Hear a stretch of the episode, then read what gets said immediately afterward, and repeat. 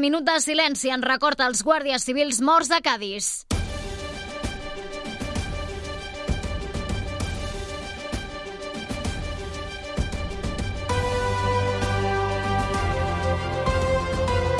Notícies migdia.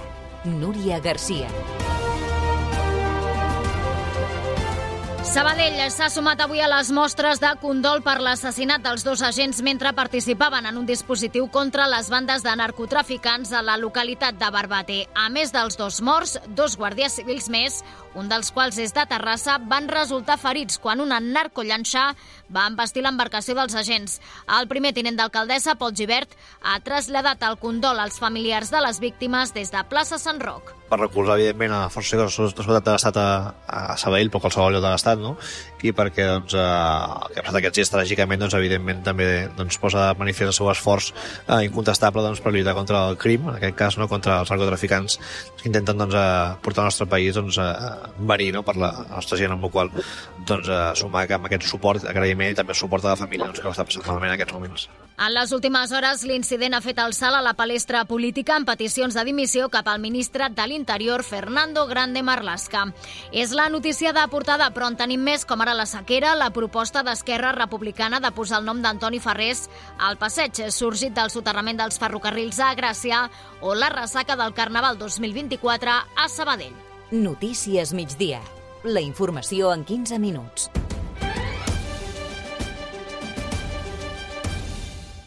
Els serveis. Situació al transport públic. Héctor Molina, des del Transmet. Bona tarda. Doncs avui dilluns comencem la setmana parlant de normalitat a la xarxa de transport públic de l'àrea metropolitana. Els principals operadors de transport no han informat de cap incidència, així que les diferents línies funcionen sense cap alteració destacable on es mantenen les freqüències i els horaris habituals tant als serveis ferroviaris com els de bus. De moment, això és tot des del Transmet. Molt bon dia. I pel que fa a la situació a les carreteres catalanes, a aquesta hora continuen les afectacions per les diferents mobilitzacions que protagonitzen els pagesos. Ara mateix l'AP2 a Soses està restringida cap a la sortida 5. També hi ha talls de trànsit a Ciutadilla, la C14, a la Nacional 240, al Macelles i Torregrossa i a la 22 entre Lleida i el Macelles. Per tant, força complicacions a aquesta hora en aquests punts del Segrià on s'estan mobilitzant els agricultors. I d'altra banda, una avaria a la B10 a la ronda litoral, a l'altura de Ciutat Vella, en sentit Llobregat, talla un carril a aquesta hora i provoca retencions de 5 quilòmetres i mig. La notícia del dia. Sabadell es volca amb les famílies dels dos guàrdies civils morts aquest divendres embestits per una narcollanxa al port de Barbate. El consistori ha convocat un minut de silenci on hi ha assistit un centenar de persones. En aquest minut de silenci també hi ha assistit agents de diverses forces de seguretat presents a Sabadell. Helena Molist, bona tarda. Bona tarda, Núria. Doncs sí, hem pogut veure una vintena d'agents de la policia municipal, una desena de Mossos d'Esquadra i una representació també de la Policia Nacional. Així s'expressaven després d'aquest minut de silenci Daniel Corrales, inspector de la Policia Municipal de Sabadell, i Toni Milla, cap de l'ABP dels Mossos. Venim perquè ens sentim afectats, perquè, clar, són servidors, són policies com nosaltres, estan fent la seva feina i, i la, el preu que paguen per la seva feina ha estat un preu molt elevat. És una desgràcia que dos uh, servidors públics que treballen per la seguretat de tothom pues, hayan perdut la vida, més el que estan ferits, que desitgem una pronta, una, que es recuperin molt aviat. Per part del consistori hi han assistit tots els regidors, a excepció de tots els regidors de l'Ajuntament, a excepció de l'alcaldessa que tenia una reunió, i també hi han assistit els regidors del PP i de Vox. No hi han anat els regidors d'Esquerra, de la Crida i de Sabadell en Comú Podem. Portar aigua amb vaixells, eh, sigui de l'Ebre o d'altres punts, hauria de ser l'últim recurs. Així ho ha defensat el Cafè de la Ràdio el geògraf i investigador delicte de la UAB, David Saurí, després de conèixer que l'ACA està valorant aquesta opció. Per a Saurí, un transvasament hauria de ser un fet molt puntual. Karem Madrid, bona tarda. Bona tarda. La principal preocupació, precisament, és que s'acabi convertint en un recurs estructural, amb l'impacte que això suposaria per l'entorn fluvial. A més, hi ha altres factors per als quals desaconsella aquesta opció aquesta aigua que ha de venir en vaixell jo crec que bàsicament està pensada per aquests usos que són absolutament imprescindibles però no per, per, per posar-la a la xarxa perquè necessitaria moltíssims vaixells, tindria un cost exorbitant i, i no, seria, no seria gens, eh, diguéssim, abans es podrien intentar com augmentar la capacitat d'aigües regenerades o, o, així, o utilitzar més recursos recursos locals. Mentrestant, el sector industrial comença a patir per com es poden afectar les restriccions d'aigua. Alicia Bosch és presidenta del CIESC. Hi ha empreses que puguin ser intensives en quant a consum d'aigua, que això pot ser que els hi generi una afectació amb la, amb, amb la producció, el dia a dia, i pugui generar, acabar implicant una parada de productiva. Per tant, eh, la possibilitat d'accedir a ERTOs derivats d'aquesta situació excepcional ha d'estar previst, en tot cas, i molt ben, molt ben orquestat, diguéssim, no? perquè si no ens podem trobar en situacions com les que vam viure en la situació Covid. No? Bosch reclama diàleg amb la Generalitat per abordar de forma conjunta els següents passos relacionats amb la sequera i així minimitzar-ne l'impacte a la indústria. D'altra banda, ja ha finalitzat la primera part de la renovació de la plaça del Treball a Gràcia. Des d'aquest divendres, els veïns del barri gaudeixen de dues noves àrees de joc infantil i un espai per practicar calistènia. És una crònica de la Berta Torres. La inauguració arriba amb uns mesos de retard i amb la zona de petanques per acabar. Amb tot, el consistori es mostra content amb el resultat. Així ho expressa Lluís Mates, tinent d'alcaldessa de promoció de ciutat i turisme. És una de les reivindicacions històriques del barri, una reivindicació històrica que hem fet realitat, com deia l'alcaldessa, amb una mica de retard, però estem molt contents del resultat i eh, esperem també que aviat doncs, tinguem la zona de petanques en marxa i el barri de Gràcia doncs, tingui aquesta plaça actualitzada i posada al dia. El consistori ha complert també amb una de les principals demandes demandes de l'Associació de Veïns, la instal·lació a la plaça d'una segona font.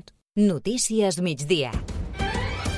De dilluns a divendres, a partir de les dues. Les dues i set minuts, Esquerra vol que el passeig sorgit del soterrament dels catalans de Gràcia porti el nom de l'alcalde Antoni Ferrés. Els republicans fan la petició coincidint amb el 15è aniversari de la seva mort, que es commemora demà, dia 13 de febrer. La formació ha registrat la moció, que va en la mateixa línia de la proposta que ja va fer el 2009 l'agrupació de veïns de Gràcia perquè es debati a la Junta de Portaveus del pròxim 21 de febrer.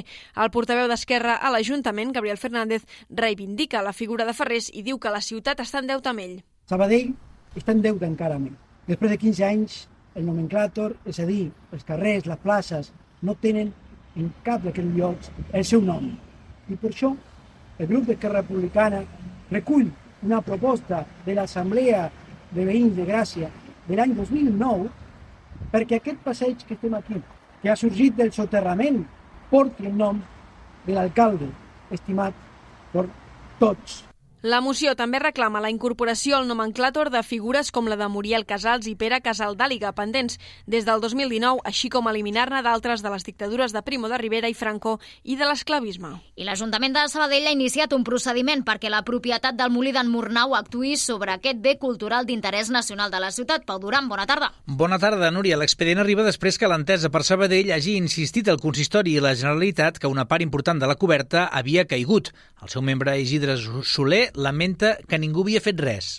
No només la propietat doncs, no, ha, no ha complert la seva obligació per normativa, per llei, de mantenir-ho en condicions, perquè, és, ja dic, primer perquè és un edifici que, que no pot caure ni pot fer mal a ningú, però segona perquè té aquesta consideració de protecció. No? Però tampoc ni l'Ajuntament la, ni la Generalitat, doncs tampoc durant tots aquests anys han fet eh, cap actuació concreta perquè eh, per vetllar perquè això no caigués. No? Es demana als propietaris que el tanquin, el netegin i retirin la runa, a més d'apuntalar-lo, tapar les obertures i reposar la coberta esfondrada. Altres temes han format més breu afectacions de trànsit al carrer Antoni Forrellat, un dels laterals de la Gran Via. S'estan senyalitzant nous passos de vianants amb la col·locació de balises, uns treballs que es faran entre avui i demà. Les obres que obligaran a tallar alguns carrils han començat a les 9 del matí en direcció a Barcelona i s'allargaran fins a les 8 del vespre. Demà els treballs continuaran amb el mateix tall, però en aquest cas en direcció a la plaça Espanya. També es faran dues etapes, deixant un carril lliure per la circulació de vehicles. Els taxistes de Sabadell avalen demanar el certificat B2 de català a tots els conductors. S'afegeix Afegeixen així la demanda que ha fet l'organització Elite Taxi per evitar l'intrusisme laboral. Magno Castillo, de Radio Taxi Sabadell, diu que l'objectiu és oferir el millor servei possible en un moment en què no tots els taxistes parlen i entenen el català. Quan millor nivell tinguem tots, doncs millor servei es pot donar. O sigui que jo no veig cap problema en que s'exigeixi eh, un nivell superior en català perquè és necessari per donar un servei de qualitat a aquesta ciutat i, i a tota Catalunya. Actualment el nivell de certificació de llengua catalana que requereix per obtenir la credencial de taxista és el B1. Segons Elite Taxi, un nivell bàsic que no es correspon amb la garantia dels drets lingüístics dels usuaris catalanoparlants que usen el taxi. I acabem. L'aeroport de Sabadell tanca el gener amb un augment de les operacions del 20%. Segons ha informat AENA, s'han registrat més de 4.300 moviments. Alhora, les instal·lacions han comptabilitzat 418 passatgers, el que suposa una, redacció del, una reducció del 18,5% en comparació amb el mateix període de l'any passat. El grup 13 Gold s'ha imposat com a guanyador del premi a la millor carrossa i comparsa del Carnaval de Sabadell amb disfresses amb l'oceà com a temàtica. Uns guanyadors que admeten que s'hi han dedicat amb cos i ànima per tal de lluir durant la rua sabadellenca. En Joan va recollir el guardó. Desde febrero empezamos y hemos, nos hemos tirado todo el año, todos los días yendo, eh, preparándolo todo hasta último momento. Hemos ensayado cinco meses el baile y no hemos parado. Hemos estado unas 10 eh, personas montándolo todo. D'altra banda, el Premi a la millor comparsa ha estat per l'associació Gent de Torre Romeu, amb el lema Traditional Games. Aquests són els guardons més destacats, però se'n van entregar una desena, entre les 26 comparses que van formar part de la Rua. A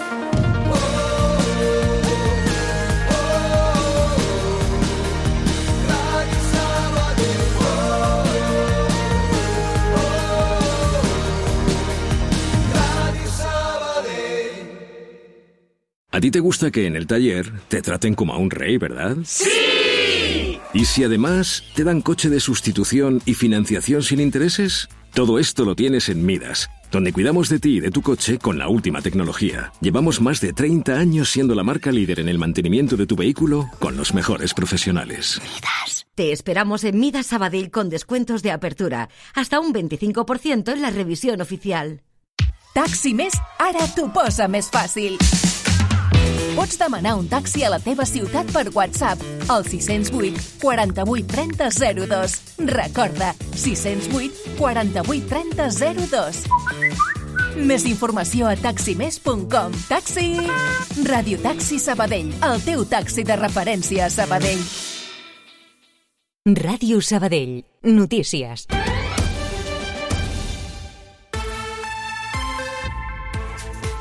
Tornem amb la informació general. Nova jornada de protestes pau del sector agrari a Catalunya. Sí, des d'avui a primera hora, una desena de pagesos tallen la 2 a l'altura de Soses i provoquen talls intermitents a l'AP2. La marxa lenta ha arribat fins a l'enllaç entre les dues vies, on els Mossos d'Esquadra els hi han tallat el pas. Llavors han baixat els tractors i han accedit a l'AP2 a peu. Allà estan fent talls intermitents en sentit Saragossa. A l'Urgell, un altre grup de pagesos tallen la C14 al seu pas per Ciutadilla. Preveuen quedar-s'hi fins les 9 del vespre i avisen que continuaran tallant carreteres fins que les administracions donin resposta a les seves reivindicacions. I d'altra banda, el CIS de Tezanos vaticina la victòria de l'Esquerra Galícia. Segons els resultats de l'última enquesta, el PP perdria la majoria absoluta a la Junta en favor de la coalició PSOE-BNG, que apunta una pujada espectacular. Les eleccions se celebren el pròxim diumenge, 18 de febrer. Cultura. Dos sabadellencs tenen les seves exposicions singulars en marxa, una a la ciutat i l'altra a Barcelona. Parlem de les noves mostres d'Emília Bosch i Oriol Enguany. Bosch torna a l'Acadèmia de Belles Arts per primer cop després de la pandèmia. El treball s'anomena Simplificar l'espai, un missatge que la mateixa artista diu al programa al matí que és el que vol traslladar als visitants. Que vegin que la manera de simplificar les coses, que a veure si s'aconsegueix això, simplificar, jo veig que aquest món està d'una manera massa informació, masses, massa, no sé, soroll, i que es tindria de simplificar, que serà molt difícil això i poder quasi és impossible, però veig d'aquesta manera. Consta d'una trentena de gravats i desenes de pintures i dibuixos i es pot veure fins al 8 de març. I a Barcelona, al vestíbul de la Fundació Joan Miró, hi ha una exposició del sabadellenc Curiol Enguany que mostra la masia de Can Curiol, ubicada a Tarragona. Recull l'essència d'aquesta llar de la seva família que està reformada a través de l'autoconstrucció. La imatge sòlida acaba sent un trencadís, com explica ell mateix. Són 12 fotografies uh -huh i hi ha com una espècie de col·laboració amb, meu, amb el meu pare que vam fer doncs, sis marcs en sis, de sis fotografies agafant aquests materials del mas i transformar-los doncs, en, un, en un marc, en un marc que acaba com, com tancant aquestes imatges per, per donar-li com aquesta expansió més enllà de la fotografia. Es podrà visitar fins al 9 de juny. El temps. Què ens espera de cara a les pròximes hores, Lluís Mi Pérez? Hem d'estar molt pendents al llarg de les properes hores del vent, que sobretot afectarà les comarques de Tarragona fins a l'àrea metropolitana de Barcelona i a gran part del sud de Lleida. En el cas del Camp de Tarragona, ràfegues de vent de mestral que passaran dels 100-110 km per hora. En canvi, a les comarques de Girona, un vent molt més feble, a les del Pirineu també es reforçarà aquest vent del nord, especialment al Pirineu lleidatà, i de pluges en tindrem poques, algun ruixat molt fugaç, tot just al voltant de la mitja tarda, cap a l'extrem nord del país, bàsicament cap a l'Empordà, també a l'Alt Pirineu i alguna gotellada molt dispersa a les Terres de l'Ebre o a la Catalunya central, però bàsicament núvols empesos per aquest vent i entremig de moltes i grans clarianes. Temperatura que puja, a la tarda acabarà sent molt més suau que la d'ahir, sobretot a les comarques de la costa i prelitoral. Demà molt menys vent, molt pocs núvols i temperatura que pujarà encara més a moltes comarques. Us seguirem a la xarxa. Passa un minut d'un quart de tres, marxem.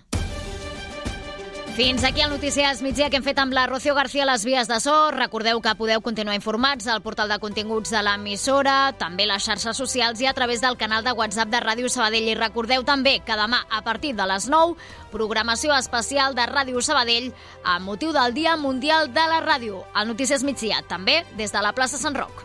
Allà on siguis, escolta'ns online. En directe.radiosabadell.fm